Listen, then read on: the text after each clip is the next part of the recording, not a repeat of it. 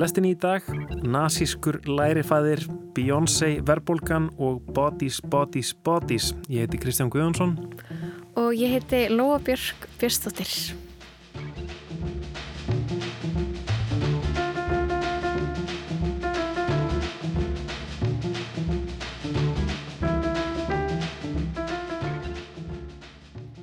Kolbeinn Rastrik fór að sjá nýjustu myndur smiðju framleiðslu fyrirtækisins A24 spennumyndina Boris, Boris, Boris. Mynd í leikstjórn Halína Reyn sem fjallar um vinahóp ríkra ungmenna sem eru búin að koma sér fyrir eh, í stórri afskektri glæsivillu. Á meðan þau fara í partileik þá gengur fellibillur yfir.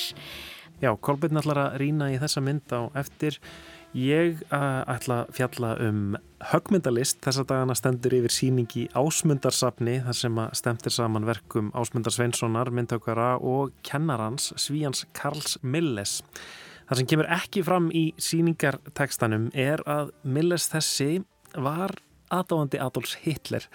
Við pælum í hvernig við eigum að nálgast verk gamalla listamanna sem að höfðu kannski örlítið nazískar tilneyingar og pælum í því hvort Milles hafi miðlað þessum viðhorfum áfram til nefndans ásmundar Sveinssonar en ymmit núna stendur yfir dómsmál sem tengist verkjans fyrsta hvita móðurinn í Ameríku en afsteipu af því verki var stólið í fyrra og það notaði nýtt listaverk sem átt að draga fram innbyggða kynþáttahyggju í verkinu. Pælum í þessu öllu og eftir með Jóni Proppi list heimsbyggingi. Þessi stitti þjófnaður og þessi gjörningur var náttúrulega eiginlega bara svona það stærsta í menningar átökum myndlista, voru bara listas, listalífs, íslensk listalífs í fyrra, eða ekki, þetta var bara eitt af því sem við rættum mest um og vorum mest ósamála um. Já, fólk alveg hafði mjög sterkar skoðanir á þessu og, og mm. mörgum fannst mjög illa af ásmundi vegið. Ég vissi ekki að það væri svona margi með svona sterkar skoðanir á högmyndalist. Nei. Mér finnst það eiginlega bara svolítið skemmtilegt að komast að því. Það er mjög skemmtilegt. Við veltum þessu fyrir okkur eftir eh, en við ætlum að líka að pæla í áhrifum Beyoncé tónleika á verbulgu tölur í Svíþjóð. Byrjum á kolbinni Rastrik. Þú ert búin að deyta Sófí í rúmar 6 vikur. Þeir eruð ástfágnar og einar sólríka helgi býður hún þér að hitta vinuhópin sinn út í sveit. Þið keirið samanþangað með tónlistina í botni en þegar þið komið á áfangastað áttar þið á því að aðstæður þínar og vinuhópsins eru harla ólíkar. Þú og einstæði móður þín fluttuð til bandaríkjana frá Östur-Evrópu og hafið ekki mikið á milli handana en áfangastæðurinn er risavaksið setur með sundlög í eigu fóröldra eins í vinuhópnum. Þú finnur strax fyrir því að það er ekki allt með feldu. Þetta er dagur tvö í gistipartíi helgarinnar og það liggur einhver neikvæður andi í loftinu eins og vildstundum vera á djamdegi tvö í röð. Eins virðist sem vinir Sófí hafi ekki vita að hún ætlaði að koma og verðast frekar hissa á því. Það stoppar vinnina samt ekki í því að dansa og dæla í sig áfengi á seturnu og þú tekur þátt en það er lítið annað hægt að gera þar sem svakalögur stormur geysar úti.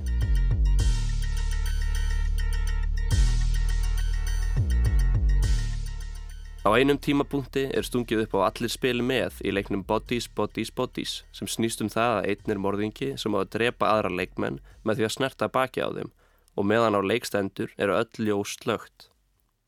Ef einhver er drepinn og fundinn eru ljósinn kveikt og þá má ásaka aðra um að vera morðingin. Hegandi samþykir þú að taka þátt í þessum leik sem er greinlega mikið hitamál innan vinahópsins en þú hugsar með þér hvað er það versta sem getur gerst. Ekki líður á laungu áður en fólk fyrir að deyja og allt bendir til þess að morðingi leiki lausum hala sem myrðir ekki í þýkistu. Svona hefst atbyrðarás hryllingsmorðráðgáttu gaman kvikmyndarinnar Bodies, Bodies, Bodies eftir hollensku leikstyrjuna Halínu Reykjén. Á þessu setri sapnar Halína saman erketýpum setakynnslóðarinnar og spyr hvað gerist í vinuhoppið þeirra í þessum aðstæðum. Með hlutverk austur-európsku bí fyrir Marja Bakalova sem er líklega þekktust fyrir hlutverk sitt sem dóttir Borat í framhaldsmyndinni Borat 2. Kærastæðinar Sofí er leikin á Amöndlu Stenberg. Sofí er partidýr sem verðist eiga erfitt með að hætta leik er hæstan stendur. Hún er nýkomin úr meðferð og verðist að trubla gamla vini hennar. David sem Pete Davidson leikur, Emmu leikin af Chase Zoe Wonders, Alice sem Rachel Sennott leikur og Jordan sem leikin er af Mihala Herold. Þegar líður á myndina byrtast fleiri og fleiri sprungur í slettu yfirborði vináttunar og fljótlega verður öllum ljóst að það að þau séu vinir þýðir ekki endilega að þau getur treyst hver öðru. I'm smart! I'm strong! I'm ready for what comes along! I got good friends! We'll stick together till silence! Who wants to play bodies, bodies, bodies? Oh my god! Does anybody have service? Yeah. What's going on? I'm a hot girl, pop girl, rich girl. Guys, I get so stressed out every time we play this. Someone always ends up crying. So how do you play? girl Áhörundum er haldið á tánum með því að passa að það séu eiginlega aldrei allir á sama stað í húsinu, hver sem er geti verið morðingin. Einni er karakterin Max kynntu til sögunar í upphæfi myndar í þeim tilgangi að búi til personu sem er óþægt og geti þess vegna verið hvar og hvað sem er. Max er nefnilega hluti af vinahópnum en hann fór heim daginn áður eftir rifrildi við David sem hiti ferðist í. Áhörundur fá þannig á tilfinninguna rétt eins og karakterarnir innan rammans að einhver sem hefur illt í huga geti leynst hvar sem er. Vináttu þessara krakka verðist nefnilega byggjast fyrst og fremst á sameilegri sögu þeirra sem vinahóps frekar en því að vináttan sé enn til staðar. Þessi kjarni sem snýst um vináttu þeirra er því mikið áhugaverður og mikilvægri innan myndarinnar en endilega morðgátan sjálf. Trausti sem þú ættu að bera hvert til annars í þessum aðstæðum er ekki til staðar innan myndarinnar og það er frekar vegna þess að það hefði ekki verið til staðar lengi en að aðstæðunar ber endilega ábyrðaði. Hverri ásökun á hendur meðlumum vinahópsins fylgir auðvitað rauksamtafærsla og hlutir sem vinahópurinn hefur haldið undir yfirborðinu allt á lengi byrja að skjóta upp kollinum. Þessum hefur aldrei líka við þessa, þessi þólir þess ekki, þessi svaf hjá þessari og svo framvegis. Halína Regin er að fanga mjög vel ákveðna stemmingu sem flestir kannast örgla við.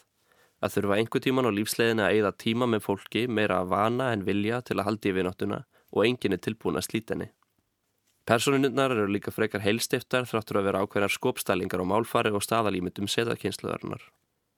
Margar þeirra kannast aflöst margir við úr sínu eigin lífi, allavega einhverju leiti og teksta leikurunum mjög vel að koma til skila öllum þeim tilfinningum sem personunar bera hver til annar. Augnagotur og líkamstjáning þeirra í að öllu undirliggjandi dramanu sem er til staðar í þessum gamla vinuhóp sem er við það að bresta. Myndin nýtir einnig þetta drama vinuhópsins til þess að vekja þórðarkleði með áhöröndum og handritið er fullt af eftirminnilegum og dreffinnum línum sem personunar reyta hverja aðra. To her podcast. Wait. What? And you made us swear on our lives not to tell anyone. Jordan, is that true? I like your podcast, Alice. What is your podcast about? Hanging out with your smartest and funniest friend. Did you just groan No. when I said hanging out with your smartest and funniest friend? Like that! Like that! Hvert rifrildi kemur upp um það sem hefur plagað vinahópin og í raun er táknrænt fórnalamp þessar morður aðgátu framar öllu vinahópurinn sjálfur. Hrollveikjur og slæjumyndir er einnig mjög áberendi sjónræn innblástur og eru væntingar til endisins því kannski ekki samrændar því sem kemur í ljós að myndin er að gera. Með því að gera myndina einhvers konar samruna af morðaráðgátu, hrollveikju og grínmynd fellur hún stundum sjálfa sig þar sem hún verður stundum ekki alveg átt að sig á því í hvað átt er best að fara. Hryllingurinn verður aldrei alveg nógu hryllilegur, morðuráðgátan verður aldrei nógu dulafull og grínið þarf stundum að víkja fyrir alvarleika fyrirnemndara kvikmyndagreina. Sumir verða kannski vonsveiknir með að myndin sé ekki jafn áhrifaríka sem hryllingsmorðuráðgáta og upphafið lofar en áhörundur sem þyrstir í drama verða svo sannarlega ekki fyrir vonbriðum. Ef þið hafið einhver tíman hugsað með ykkur, hvað ef atriði í skvísumyndum þegar þeir sem eru leiðilega vinsal á vinahopnum segja hvað þeim finnst í alvöru um hvert annað, væri bara heil bíómynd, það mæli ég sterklega með að fara á Bodies, Bodies, Bodies.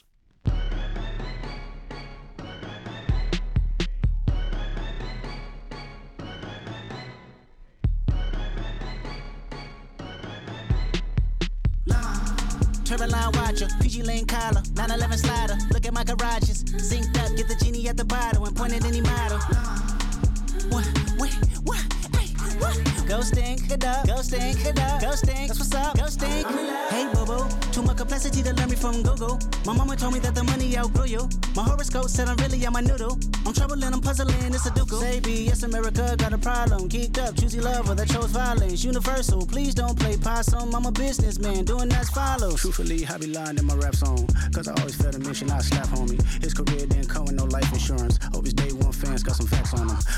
I'm beehive, let's see why. Them diamonds don't be fly, they all CGI. You better get it off your chest like breath reduction. If she stress over you, she stress for nothing. Hold up, wait a minute. Even AI gotta practice cloning Kendrick, the double entendre, the encore remnants. I bop like 10 men, the ops need 10 men. Billboard, they know at the hole, rightfully so. Simmer down, I go, I go. Heard you got that deep for me.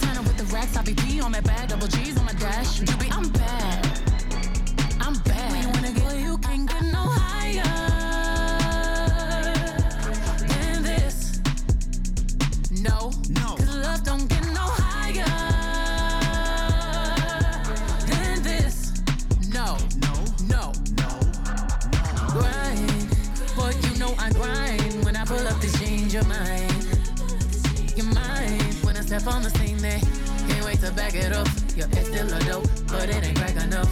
I'm supplying my man, I'm in demand. Soon as I land, just know I roll with them goons. In case you start acting familiar, this kind of love, big business, whole slab. But you can get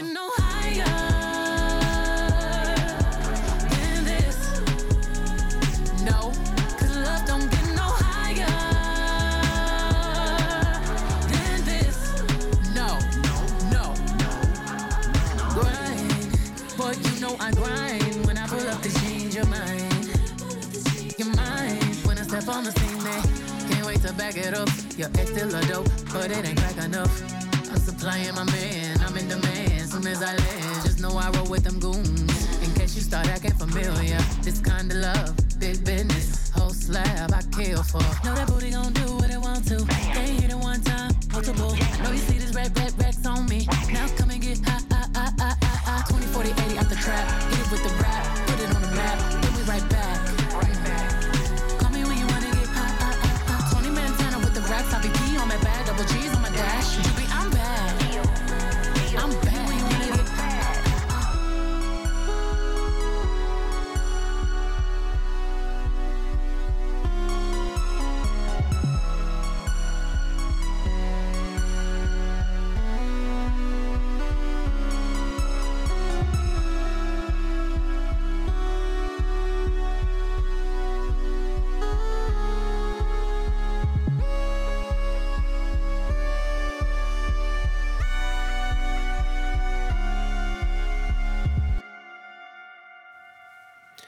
Þetta er lagið America Has a Problem. Þetta eru Beyoncé og Kendrick Lamar. Þar á undan var það eh, Kolbjörn Rastrik sem að fjallaði um kvikmyndina Bodies, Bodies, Bodies. Lóða, þú ert búin að sjá þessa mynd. Jú, mikið rétt, ég fór á hana í Bíóparadís uh, seinustu helgi. Hvernig var hún? Einmitt, sko, það er svolítið góð spurning. Ertu sammála Kolbjörni? Ég, held ég sé svolítið sammála Kolbjörni, sko. Ég, þarna, mm, ég, ég var mjög spennt fyrir þessari mynd, sko, uh, út af því að það er, er stelpa kona sem leikur í henni sem heitir Rachel Sennott sem er svona grínisti, bandarsku grínisti sem ég fylgist svolítið með, finnst hún mjög fyndin. Um, þannig að ég var spennt að sjá hana í ykkur svona stóri mynd Mhm. þú veist, þegar maður er búin að vera að fylgjast með ykkur um frá því að hún var kannski bara lítil með podcast. Já. eitthvað, ok, geggjað f- og svo náttúrulega komst ég að því þegar ég mætti að Pete Davidson líka í myndinni. Það glætti mig líka mjög mikið. Eh, reynda Mikla búið að- taka all tattúun hans í burtu og ég sá að eitthvað sagði á Twitter bara aldrei sína mér Pete Davidson aftur án tattúa. Ok. og ég held sé bara frekar sammála því. En já, ég, svona, ég veit ekki alveg hvað ég, hvað ég ætti að segja um þessa mynd og því að náði orða, orða eitthvað svona tilfinningu sem ég uppliði ég sko, ég skemmti mér mjög á á henni. Uh, þetta var fínasta afþreying en ég var svona eiginlega velta fyrir mér sko hvað uh, hvað vær hvað höfundarnir væri að segja mér Mhm. um, það voru allt þessar manneskjur, þessar personur sem við fylgjast með þarna á þessu, þessu sveitasetri þau eru öll ömurleg um, og þú veist, ok, já þarna, ok, þau eru leiðileg við hvort annað og þau eru rík og forritundablind og einhvern veginn í ruklinu en já, ég var eitthvað svona ok, eftir að myndin kláraðist og hvað, en þá veit ég ekki, er ramt af mér að búast við því að eitthvað svona mynd hafi bóðskap Mhm. ég veit ekki, hvað stendur þú í þessu? Þú veist, eiga svona listaverk að hafa bóðskap eða er allt bara eitthvað? Þú veist, umbúðina voru mjög fallegar og ég var eitthvað svona, ok, það, veist þetta leiti allt vel út, þetta var uh, geggjað klippingar og þarna lýsingin var notið á mjög skemmtilegan hátt og sviðsmyndin var flott, en þú veist og hvað Já. svo? Sko, m- ég held að hlutir þurfu alls ekki að, mín skoðun er svo að hlutir þurfu ekki að hafa bóðskap en, en hins vegar ef maður einhvern veginn hefur tilfinningunni að það sé ekkert innihald á bak við einhvern veginn umbúðirnar þá þetta kannski þýðir það að það er ekkert ekkert þess virði einhvern veginn að halda í annað en umbúðirnar þá, ég veit það ekki. Kannski sögn eitthvað annað orð Já, sem væri gott að nota hérna bara já. eitthvað, hvað þarna, hverju, hverju varst að velta fyrir þér? Mhm. en þú veist, það er þarna hverju bætur við heiminn minn Já, einmitt, en það sem mér fannst einhvern veginn skemmtilegt að sjá í þessari bíómynd var þarna var þessi ótrúlega einhvern veginn hræðilegu samskipti sem fólk á í. Uh, það er svona þetta myndi svolítið svona sjónvastáttin Girls og, og kannski er eufórið þarna líka. Veist, allt í hennu sér eitthvað þátt það sem ert eitthvað, já, þú veist, þetta er miklu sannara og kannski, þú veist, ofsatt og því að al- alls ekkert allir eru svona Mhm. klikkaðir skilur en þarna, það er var eitthvað svona flott raunsa í því, fannst mér Sannleik, mér- sannleikur Já. í þessu óheilbröðu samskiptum Já, einmitt Einmitt. Já, Bodies, Bodies, Bodies, ég eftir að sjá þetta um, mynd frá A24 uh, framleyslu fyrirtækinu sem við höfum fjallað um hérna áður um, svalasta indie uh, framleyslu fyrirtækið í Hollywood þessa dagana um, en þannig í lokin heyrðu við síðan Beyoncé og Kendrick Lamar lag sem kom út uh, núna í mæ Beyoncé, hún er búin að vera uh, á ferðalagi þessa dagana, Ma maður sér að mikið að Íslandingum að fara á tónleika hjá henni uh, í Evrópu. Já, og, Fyrstu tónleika, fórstu fyrsta tónleikaröðin í sjö ára, eða ekki? jú, þetta er hún, hún svo heimstúrin hennar er byrjaður og hann byrjaði í Svíþjóð af öllum stöðum, fólk var svona eitthvað að velta því fyrir sér af hverju starfstar Beyoncé tónleikaferðalegin sinni í Stokkólmi af hverju ekki í sínu heimalandi en hún er einhvern veginn ákveður að fara til Svíþjóðar. Uh, við rákumst á svolítið finna grein um, um þetta allt saman. Já, þar var verið að segja að um, já, verðbólgutölur í, í Svíþjóð eru í verri, það er hærri verðbólga heldur en, heldur en búist var við um, og það var, er, eru greinendur, ha- hagfræðingar sem telja þetta megi mögulega rekja til tónleikana. Einmitt, þarna fyrsti dagurinn í tónleikaferðalæginunar uh, var 10. mæ uh, svo held hún aðra tónleika daginn eftir og það voru 46.000 manns á hvorum tónleikunum Mm. og þetta bara einhvern veginn hafði bara þvílik áhrif á efnahægin í Stokkólmi, bara hótelverð hækkuðu og uh, þú veist, það var ekki eins og nóg mikið gistipláss fyrir alla þessa tónleikagesti, sko. Einmitt, það verðist eins og sko, verðbólgutölurnar sé á leiðinni niður en, en þeir þættir sem að hækkuðu í þessum mánuði það var gisti, gistipláss og, og, annað, og veitingastæðir og, og annað slíkt. Þannig að fólk hefur greinlega verið að koma frá já, allir Svíþjóð, allir Evrópu, kannski bara frá Ameríku líka. Já, það er náttúrulega, þú veist, þegar svona popstjarna eins og Beyoncé, þegar það kemur, þú veist, þegar það er fyrsti, þegar hún er að starta túrnum, þá vill, vilja ókslega margir bara vera mættir fyrir Mhm. það, þú veist, og eldana þá bara á milli landa, svona ofur aðdöðundur. Og hvað þá þegar fyrsti túrin í svona mörg ár? Akkurat, uh, örgulega mjög margir sem komið frá Íslandi til að fara á þessu tónleika en það er ótrúlegt að uh, ein popstjarna sé að hafa áhrif á efnahægin. Uh, verbulgutölur, Já. það er eiginlega smá fyndið. Mér, mér finnst alltaf skemmtilegt að velta þessu fyrir sér hvað verður svona að táknmyndum verðbólgunar af því að, að því við erum náttúrulega með eh, já, mjög mikla verðbólgu um þessa myndir Hvað segir hérna, það finna það allir á, á eigin skinni þegar þeir fara út í búð og, og svo leiðis en þannig að í, í Svíþjóð þá verða Beyoncé tónleikar að verðbólgutákni. Hvað er verðbólgutáknið hérna?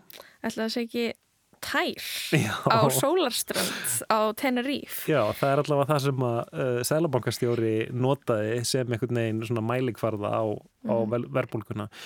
Ég held, þú veist, ég meina þetta er svona mín tilfinning líka sko, að önnu hver manneska sem ég fylgist með á samfélagsmiðlum er í útlöndum. Það er eins og Íslandingar hati að vera á Íslandi, hati það af öllu hjarta og séu tilbúinir að bara einhvern veginn uh, rústa eigin fjárhag og Stuðla verðbólgu. stuðla verðbólgu. En, en, en, en þú gerðir innslag núna, hva, hvað var það í fyrra, þegar Mhm. svona einhvern veginn verðbólgan var að svona rúlla almennilega af stað og þá notaðir annað tákn. Hvað var það? Já, það var verð á litlum bræðaref sem að er náttúrulega eiginlega bara ótrúlega dýr Mm. sem, þarna, og hefur hækkað mjög mikið sko, verðið á honum. Ég sko þóra ekki að fara með hvað hann kostar í dag en minnir þarna fyrir ári síðan þá var hann komin upp í 1200 Já. og lítinn, við erum að tala um þetta er ekki einu svona lítið gós í bíó, stærðaglasi þetta er, þetta er ekki að blítið og gósglasi badnaamali, þetta er einn stærð fyrir ofan það, það er lítill bræðarefur Mhm. og hann kostar nánast, já, kostar 1200 og þarna, fólk hafði eiginlega enga tilfinningu fyrir því að hann væri orðin svona dýr, sko, en það er einhvern veginn bara mjög stutt síðan að hann kostaði bara 500 krónur, sko. Já.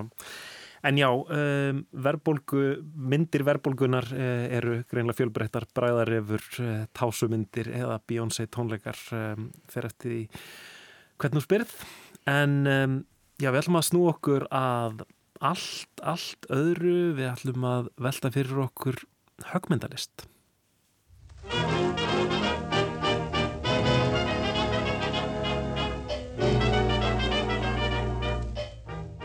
Um þessar myndir stendur yfir síning í Ásmundarsafni þar sem stemtir saman verkum Ásmundar Sveinssonar myndtökvara og kennara hans Svíjans Karls Milles. Lærifæðir er nafn síningarinnar Mentor en Ásmundur stundaði nám í konunglega sænska listaháskólanum undir handleðslu Milles frá 1920 til 26. Og í síningateksta er nefnt hversu sterkum böndum Ásmundur og Milles bundust og í verkum þeirra og ferli megi finna töluverðan samljóm.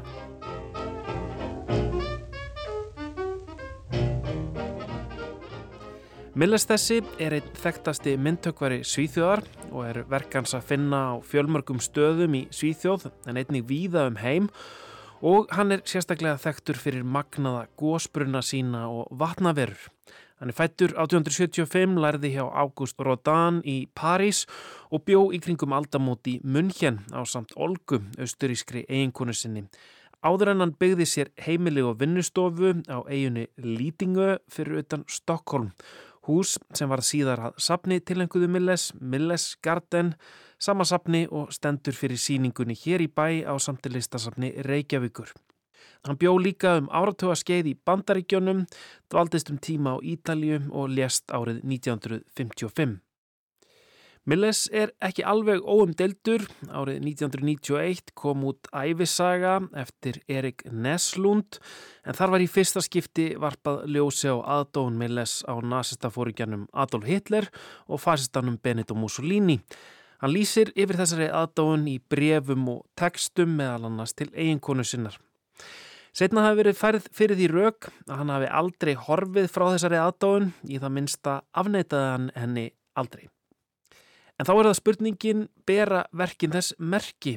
Jújú, auðvitað eru þannig stæltir, sterkir, heilbriðir líkamar, karlmennska og þjóðleg áhrif, en þessu var nú líka hampað í ungmennarhefingunni og Sovjetríkjónum. Var þetta merki um nazisma? Æfisagnareitarinn Neslund segir já og lesi einstök verk Milles, andsemitisma, anduð á nútímavæðingunni, fyrirlitningu á öllu sem að fjall ekki inn í hefbunna fegurastadala, öllu ljótu, upphafning á karlmennsku og óta við konur. En þetta er umdelt, já, um það er deilt hvort að listin og pólitískar neyðir hafi verið tengdar eða geti verið aðskildar. Var stuðningurinn við nazismann bara tækifærismennska eða var það nöðsynlegur hluti af heimsín listamannsins? Óháði hvernig maður svara þeirri spurningu er ljóst að einhver verka hans hafa orðið að pólitísku bytbeini. Eitt er Flugarmonumentet í Karlaplangarðinum í Stokkólmi sem var reist árið 1931 til minningar um fallna sænska flugmenn. Bronsstittan er örd með ákveðið augnaráð, illfigli með þanda vangi, hann hefur sér til flugs. Myndbyggingin, stíliseringin, hinnar sterku línur minna meira en lítið á táknmerki nazista sem átt eftir að brenna sig inn í táknskilning Evrópu á komandi áratug. Kanski er það þess vegna sem að stittan varð fljótlega ekki bara staður fyrir minningaratabnir um sænska flugfrumkvöðla, heldur einnig að samkomist að sænskra nazista.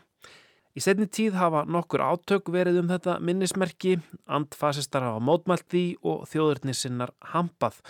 Og hún hefur orðið viðfang listamanna sem hafa viljað vekja umræðu um merkingu hennar. En ég velti fyrir mér, erum við kannski að lesa of mikið í myndmálið? Er ekki ósangjant að skoða svona verk með tákn tilfinningu samtímans? Ég meina, örn er ekki enga egn nazistana, alveg eins og hakakrossin var vinsalt lukkutákn í Evrópu áður en nazistatnir egnuðu sér það.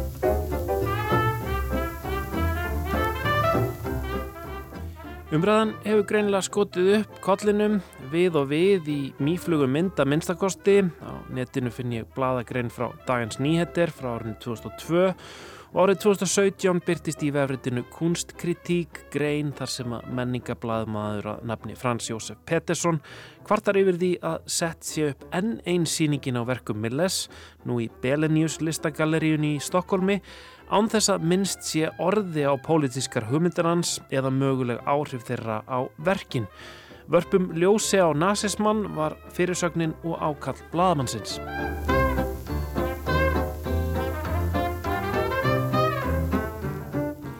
Á þessar vafasömu hugmyndir Milles er heldur ekki minnst í síningateksta Mentor í ásmundarsafni en þar stendur hins vegar Milles nýtti sér sögu og menningu eigin þjóðar sem innblástur í verk sín og á sama hátt hvati hann ásmund til þess að leita fanga í íslenska menningararleið sem glögglega má sjá í verkum hans allanans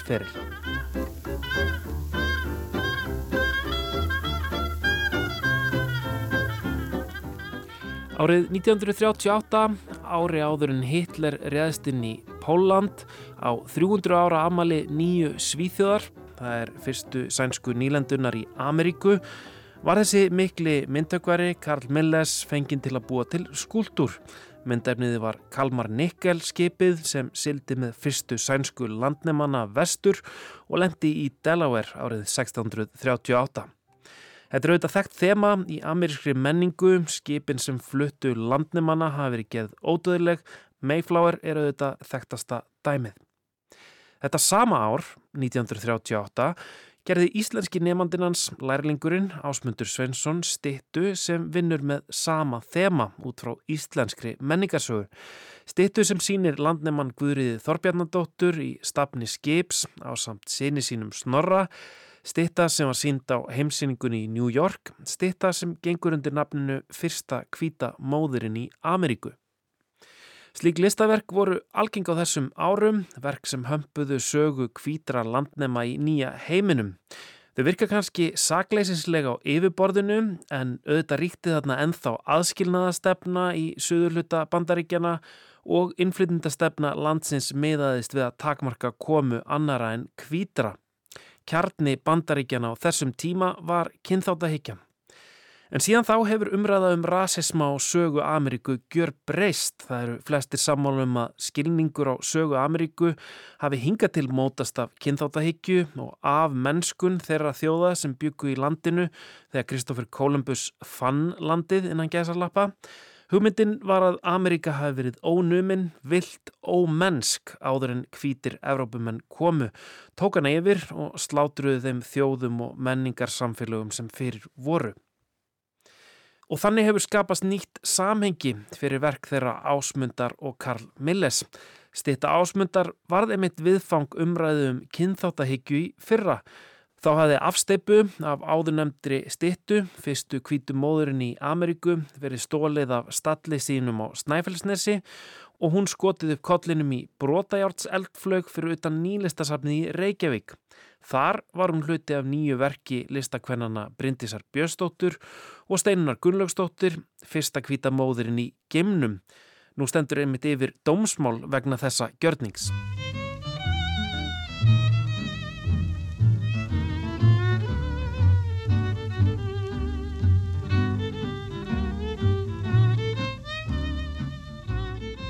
Þessar tengingar eru ekki nefndar í síningateksta Mentor í ásmundarsafni. Kannski er þar of langsóttar til að koma fyrir í stuttri kynningu á þessum listamönnum en mögulega hefðu þær getað opnað frjóa umræðu um pólitík og myndmál, hugmyndafræði á ólíkum tímaskeiðum og það hvernig við tólkum fortíðina með augum nútímans.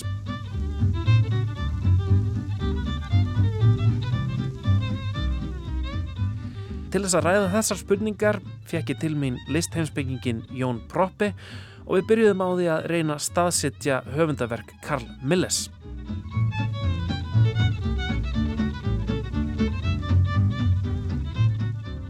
Hann er rauninni af sömu kynnslóð og Einar Jónsson, okkar íslenski frumkvöðul og, og myndtökvari og uh, líkt og Einar þá heitlaðist hann mjög á Rodin, hennum franska skúlturista sem var var svona auðvitað mikil frumkvöðul á undir lókn 19. aldar eh, og eh, þær hreyfingar sem þá er í gangi eru svona svolítið kannski af ýmsum toga og Milles til dæmis hann var mjög hrifin af arts and crafts hreyfingunni sem að, að Íslandsvinurinn William Morris til dæmis enski var frumkvöðul að og í því fólst ákveðin endurvakning á uh, svona norrænum eða, eða norður-evróskum sögum.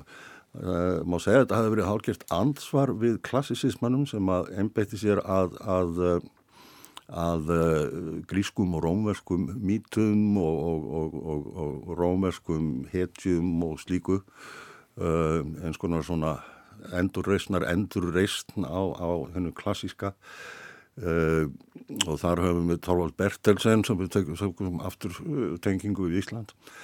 En, uh, en síðan eftir einlega fyrir heimstyrjöldina þá fer þetta að verða svolítið supulegt að þess, þetta fólk eins og Milles og, og, og Einar Jónsson og og fleiri sem að uh, hafði svona svolítið kannski verið að, að tengja við ákveðna þjóðunsíkju með því að, með því að hérna, endur vekja tíndar sagnir. Uh, við sjáum þetta í íslenskunni þegar við förum að leita fjöldismenn og svo framvegis í, í, í okkar fornu sögur og, og uh, Breitlandi þá er farið að endur vekja einhverjar mítur um Artur Konung og ymislegt svona. Uh, að reyna að búa til okkar eigin svona forsug og uh, eftir fyrir heimstyrjöldina þá er náttúrulega Európa í rúst og, og, uh, og allt svona mjög óljóst. Og, og það eina sem allir hafa nokkur neginn á hreinu er að, að svona gamla sístemið virkaði ekki. Það fór allt til helvitis þannig að eitthvað nýtt þarf að gerast. Og upp úr þessari ringiðu spretta alls konar stefnur Uh, og, og, og hérna framúrstefnur og svo aftur svona aldrei í haldsamæri stefnur. Og hliðstæðan við, við Einar Jónsson er, er nokkuð skýr. Þeir voru báðir svona Milles og hann uh, djúft soknir í symbolisma að búa til myndir, táknrænar myndir sem að upphefðu kannski mannsandan svona í einhvers konar einhvers konar flugi til fullkomnunar og svo framvegis að, að við, við hérna við erum að rýsa upp úr hennu holdlega og, og ábeldist fulla og yfir í eitthvað nýtt og, og betra. Og uh, auðvitað var þetta sterkur ángi af nazismannum þegar hann kemur fram að, að, að það er þessi ákveðna að það er að koma svona reglu á hlutina, við erum að kanna okkar gömlu norður-eurósku fortíð og, og vera stolt af henni og, og reyna að byggja á því til framtíðar. Í tilfelli Karl Milles að þá verða nú úr þessu svona frekar uh, veikverk myndi ég segja þó þau séu fræk í Svíþjóð að, að þetta eru svona upphafnar myndir sem að, að leita jafnvel í klassismann Orfeus stittur frægar og, og svona fleira og, og svona mannsandin á flugi til framtíðar og, en, en þetta kannski var ekki komið tó mikið til þegar ásmundur var hjá honum á þriðja áratugum því að þá var Milles bara að kenna við akademíuna og að kenna náttúrulega svona grunnþætti í, í, í mótun og fjárvít og öllu því sem að tilheyrir þessu. Þú sagði náttúrulega ekki fyrir en eftir 1930 sem að, að, að nazistar komast til valda. Og, og í Svíþjóð alveg eins og á Íslandi að það voru mjög margir veikir fyrir þessum hugmyndum. Að uh, kannski væri bara þyrti bara að taka einhver á svona skýra stefnu til framtíðar og svo frammeðis En það sem gerðist líka 1931 eftir að ásmundur var sem sagt komin heimatur að þá flýst uh, Milles til bandaríkjana og er þar í bóði Boots nokkur sem var fjölmiðla mógull og sett á stopni eins konar akademju í, í Michigan í bandaríkjanum Cranbrook Academy sem er ennþá til og er eitt vistasti lista á arkitekturskóli í bandaríkjanum og, uh, og byggði svona á þessum hugmyndum um arts and crafts um uh, að endurvekja svona handiðin ákveðin kannski ákveðin andstaða kannski við uh, gróðustu framúrstefnuna eins og surrealisman og svo framvegis. Og surrealistatni voru náttúrulega allir kommar meðan að hinn er kannski halduðu sér frekar í eitthvað annað og, og Millis bjó í bandaríkjónum í rauninni í 20 ár. Alveg öll strísarunum hins vegar virðist hann hafa heimsótt Þískaland ansi oft á tímanazistan og talaði hlýtt til þeirra. Hefur verið mikil umræða í Svíþjóð um þessa hlið á uh, Karl Milles uh, aðdónans á, á Hitler og, og hérna og, og svo kannski hvort að þetta megi sjá í verkum hans. Er, er þetta eitthvað sem svíjar hafa rætt? Ég hef ekki, ég veit ekki til þess að þetta hef verið mikið í umræðinu en þetta er náttúrulega í, ekki með, með Karl Miller sérstaklega en örgulega eitthvað en, en, en þetta skeið í, í, í sænskri sögu náttúrulega alveg eins og í íslenskri sögu og í bandarískri og þýskri að, að það er auðvitað mikið til umræðu og spurningin er hvað eigum að gera við, við þetta fólk? Við eigum fullt af, af uh, merkilegum listamönnum, skáldum og myndlistamönnum og allt svona sem að, að, að einhverju leiti fundu samsömmun við, við uh, fasismann á þessum uppgangsárum, millistriðisárum og, og það var það náttúrulega Hitler en, en líka Mussolini og Franco og, og svo fleiri og fleiri minnisbáminn og, og, og fólk var voða mikið á báðum áttum með þetta sko. Og eins og við sjáum líka á Íslandi að, að, að, að það voru mjög margir sem voru kannski ekkert svo endilega fúlir út í þjóðverja sko fyrir en svona fóru að draga til stríðs en eh, hvað við eigum að gera við þetta fólk, það er svolítið erfitt að, að segja uh, í rauninni hvað Karl Milles varðar að þá, eins og ég segi, er þetta nú ekkert óbóðslega merkileg list. Þetta eldist ekki vel. Má ég lega segja kannski að helsta hliðstæðan viðan þó að hann sé af, af kynslu Einars Jónssonar segila Nina Simons sem að, að líka dvaldi mikið í bandaríkjunum og í bandaríkjunum var svona upphafinn, svona ákveðin hetju, svona romantisismi uh, mjög sterkur. Og uh, ég held að Cecil Bjetur Milmi kannski að hluta til kenna um kveikmyndamókurnum sem að upphafði hérna svona uh, rómerska fortíð og, og, og allt í svona yfirgengilega stórum sviðsmyndum og, uh, og myndin hennar nínu til dæmis framanna á, á, Rockefeller Center í, í Bandaríkjanum er svona upphafin, giðja að fljúa til framtíðar og svona. Þetta er alltaf, alltaf þessum nótum. Mm -hmm.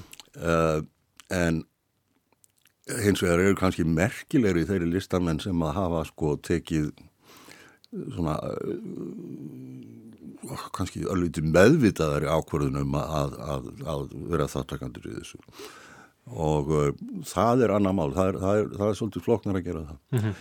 En það er, ég sé engar vísmyndingar um það að, að, að ásmundur hafi á nokkur nátt sko, hérna, litast af svona skoðunum. Sko. Og en það sér maður það á hans, hérna, listsköpuna þegar hann kemur heima þá er hann ekkert að búa til einhverja svona abstrakt myndir af einhverjum uh, hugmyndum heldur leitar hann bara í alþýðu fólkið og, uh, og höfður myndir af íslenskri alþýðu bara, þú veist, fólk að binda bakka og Mm. leggja á hesta og svona, þú veist, og og, uh, og það er í rauninu svona takning, það er ekki fyrir setna eftir stríð þegar hann fer að snúa sér abstraktinu sem að koma svona meira abstrakt hugmyndir inn eins og, eins og þetta er ekki flugþráverkið sem er fyrir framann mentarskólinni í Reykjavík.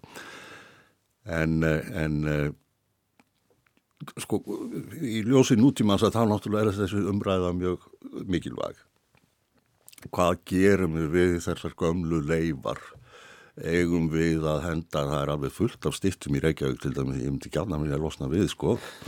Þú veist, einhverju menn sem að mér finnst alveg fáraveit að við séum að upphefja með einhverjum stittum hér og þar um bæin, sko og, uh, bara ópríða af þessu, sko en, en politísk séð er það líka spurning. Og, uh, og við erum með stittur af, af þú veist, mönnum sem að til dæmis beittu sér gegn því að, að flótamenn, gýðingar fengju að, koma til Íslands eða nazismin reyði við Þískaland uh, hvað er maður að gera við því? Er þetta eitthvað saklust, er það eitthvað? En kannski það mikilvægast er að, að, að hérna þegar listamæður tekur sér vald til þess að fjalla um sinn samtíma og um hugmyndir og slikt þá þarf hann í rauninu og er hann sjálfkrafa að setja sig í ábyrð jafnvel fyrir hlutum sem að hann skilur ekki. Og, og, og, og, jafnvel þó að hann ráð ekki endilega hvernig verkið er notað. Og það er kannski það sem við sjáum í tilfelli ásmundan með þetta verk sem að var mikið umræðinni hér í fyrra. Fyrsta kvítamóðurinn í Ameríku sem er líklega ekki titil sem hann hefur gefið heldur verið gefin eftir á. Uh, og þetta er, er stýtta sem að er, er pantuð á honum og séðan sendt á heimsýninguna í, í, í New York uh, rétt fyrir stríð. Þar sem að í rauninni alls konar nazískar hugmyndir voru mjög grassirandi á þessum tíma. Þannig að stýttan er af einhverju, einhvern veginn endur tólkuð yfir í þenna, þessa hugmyndafræði. Uh, og, og hérna ásmundur hefur rúglað bara verið með, með hugan við fortsögundar eða eitthvað sko mm -hmm. en, en uh, hún er endur tólkuð og það var spurning hvernig tökum á því að uh, þegar að steinunum það er búið til sitt verk þar sem það er ræna uh, afsteipu af þessari stittu og þetta var ekki listaverki sjálf, þetta var afsteipa sem það er tóku og settu í þetta samhengi, pólitíska samhengi að þarna væri í rauninni verið að upphefja uh, euróskan kynstofn og svo frammeðis að uh, er ekki, í rauninni skiptir ekki lengur máli nákvæmlega hvað ásmundur ætlaði sér. Og, og ef við förum að líta á þetta sem einhvers konar árós á ásmund þá er það ákveðin miskilningur það er ekkert sem bendir til þess að ásmundur í rauninni hafi nokkuð tíma haft slíkar hugmyndur og í rauninni þvert á móti. Ég kynntist honum ölliti þegar ég var unglingur og var bara veist, minstri maður og íslenskur allþjóðu maður og, og hugsandi en, en hins vegar svolítið svona þegar að fólk lendir eins og, eins og kannski Karl Milles í þessu bandaríska æfintýri. Allar þessar hugmyndir eru þarna í gangi og og einhvern veginn að þá getur ímislegt orðið til mm -hmm. uh, á þess að mennsju beinlýnis að svona taka þátt í einhverju pólitíski starfsemi uh, oft er þetta þannig að í rauninni gott og slæmt uh, vaknar upp af sömu frum pælingum eins og allt sem kraftsreifingin á 19. öld að hún gæti af sér bæði í rauninni þú veist allar hippahugssónir 20. aldar og líka að vissuleiti ákveðin fascisma. við erum ekkert okkar er auðvitað ónæm fyrir hérna hugmyndafræði hvers tíma og það er bara ótrúlega eðlilegt að, að, að, að, að það sé hægt að lesa eitthvað sem við gerum setna með, með öðrum glerugum og, og hérna, en mér finnst mjög aðteglisverð þessi e, tilviljun að þetta sama ár þá geri gerir Milles um, verk þar sem hann er beðin um að gera verk uh, í tilumni að 300 ára uh, afmæli fyrstu vesturferðarna hérna sænsku vesturferðarna og, og gerir þarna þetta, þetta skip sem heitir held ég Kalmar Nikkel en, en þetta eru auðvitað hugmyndir sem eru í gangi á þeim tíma þar sem er verið einhvern veginn að að hampa landnámi kvítra manna og kannski í hverju landi í Evrópu eflust verið að búa til áþekk verk sem að hérna, hampa, hampa landnáminu en, en ásmundur eru þetta aðeins öðru í sig að því að þetta er, þetta er vísun í fortsögunar Já, þetta er vísun í, í sagt, okkar sagfræði sko. en uh, já sko bandaríkin á þessum tíma bandaríkin hafa náttúrulega verið svolítið skrítið fyrir bæri en, en eftir og eru en, já, en uh, eftir fyrir heimstyrjölda þá eru bandaríkinn standi í miklum blóma. Það eru gríðarlega miklu peningar. Bandaríkinn menn grættu alveg óumræðilega mikið á fyrir heimstyrjöldinni og, uh, og komu út sem svona eina í rauninni veldið í, í, í vesturheimi.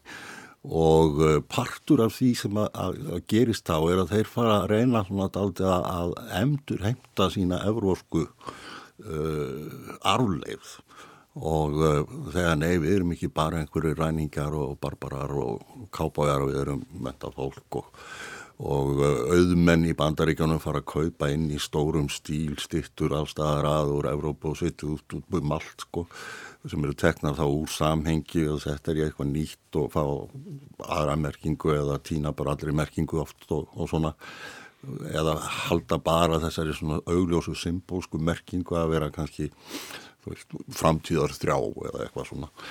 Og, og það eru auðvitað margir, margir eróski listamenn líka sem að tegðust þarna sko yfir að, út af þessu. Uh, og Karl var einn af þeim. Var einlega svona fluttur inn til bandaríkjana til þess að styrkja þessar evrósku norrænu rætur og, og, og halda þeim á lofti. En, Já, en það er kannski hægt að lesa þessi verk í þessu samhengi að, að þetta er í rauninni einhver svona pólitísk eða hugmyndafræðileg um, réttlæting einhverja bandaríkjamanna á, á, eigin hérna, þjóðerni og, Já, það, það, það, það er svo mikið á bakvið þetta, við þurfum að skilja hvaðan þessir, þessar hugmyndi spretta nazismin er ekki eitthvað bara orð sem var allt í hennu fundið upp og allir flyktu sér um. Hann á sér rætur og, uh, og í rauninni er, er þú veist, ímislegt kannski sem var interessant sem að sumir nazistar voru að pæla í. En þú veist, saminað Evróp og svona, við erum ennþá svolítið fyrir það. Uh, en, en, en, en svo fer fara hlutunir öðru vísi en ætlað er. Og, og, og við þurfum náttúrulega að lesa það En, en við þurfum líka að skilja hvaðan spratt þetta, hvaðan komu þessar hugmyndir? Og erum við kannski að fóstra einhver svipaðan jarfveg að nýnasistar hreyfingar og hægri hreyfingar í Evrópu þær eru ekki að spretta upp bara út af einhverju nostalgíu. Það er vegna þess að við erum búin að búa til aftur uh, þá situasjón í okkar menningu þar sem að þessar hugmyndir geta komið upp alveg eins og varð eftir setni heimstyrjöld. Þannig að við erum bara á hættilegum slóðum en við þurfum að passa okkur að hvorki dæma og frætt, nýja afsaka og frætt, heldur horfa, greina og, og, og vera svolítið alvöru í þessu. Finnst þér að um, svona síning eins og svo sem að er núna í listsamni Reykjavíkur í ásmundasafni e, þar sem að þeim er e, e, skeitt saman þarna Karl Milles og, og Ásmundi Sveinsinni, finnst þér að þetta hefði átt að vera einhvern veginn um, tekið fram í einhverjum texta eða, eða einhvern veginn um, haft, haft á orði um, um, um þessar, þessar hugmyndir og, og, og, og svo já, jafnvel þessa umræði sem hefur verið um fyrstu kvítumóðurina í Ameríku. Kanski erum við ekki að gera það hér. Uh, en uh, já sko það sem að mér finnst kannski svolítið skemmtilegt við að sjá þessa samlíkingu eða á þeim tveimur sko að uh, hvað ásmundur er miklu sterkari listamæður og hérna mikið meiri hugsuður og, og sjálfstæðir í allri sinni nálgun. Uh, að, að uh, ég, það er ekkert að segja að, að Karl Milles hafi sko lagt neitt mikið nýtt til uh, myndlista þróunar 20. aldar en það gerði ásmundur náttúrulega fyrstur hans hér á Íslandi hann er lítið þekktur hans staðar en uh, en, uh, en jú, jú, öll, öll, öll svona þú veist halda til öllu svona er, er skiptir máli hvort að hefði átt að draga þetta fram ég veit það ekki. Það er þá kallað á einhverja svona dýbri rannsókn á því að í rauninni tengist ásmundið svo lítið eða nánast ekki neitt. Mm -hmm. þetta eru hugmyndir sem ég held að Karl Milles hafi ekkert verið farin mikið að viðra sko þegar að, þegar að, að, að þeir eru að vinna saman sko í akademíunni og, og rauninni er það frekar svona þessi symbolismi og art nouveau svona hannunar idealíski stíl sem við sjáum, við getum farið bara, bara upp skólaður holt og, og séð þetta í safninu hans Einars Jónssonar, það, mm. -hmm. það er mjög svipuð hugsun Einmitt. og ristir ekki mikið dýpar sko. Við komast ekki lengra, Jón Proppe, listheimsbyngur, takk kærlega fyrir að koma í lestina og ræða um Karl Milles, Ásmund Sveinsson, kynþáttahyggju, nazisma og uh, hvernig við horfum á listaverk forstíðar.